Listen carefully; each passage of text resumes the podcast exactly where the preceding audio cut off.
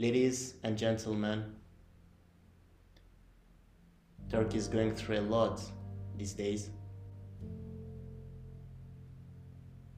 While you're watching this video in your warm house with your beloveds, thousands, even millions are fighting death in Turkey. We can't just sit and watch what's going on. We have to do something.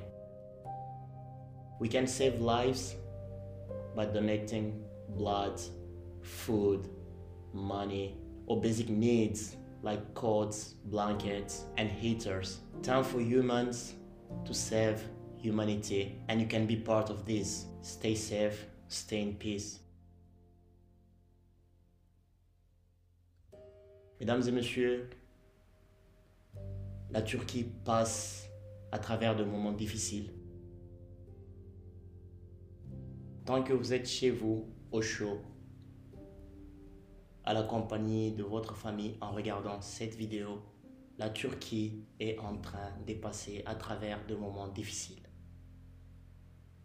Nous ne pouvons pas rester spectateurs de tout ce qui est en train de se passer ici. Vous pouvez soutenir les familles qui sont ici en Turquie avec vos prières, avec vos dons et avec vos messages de soutien.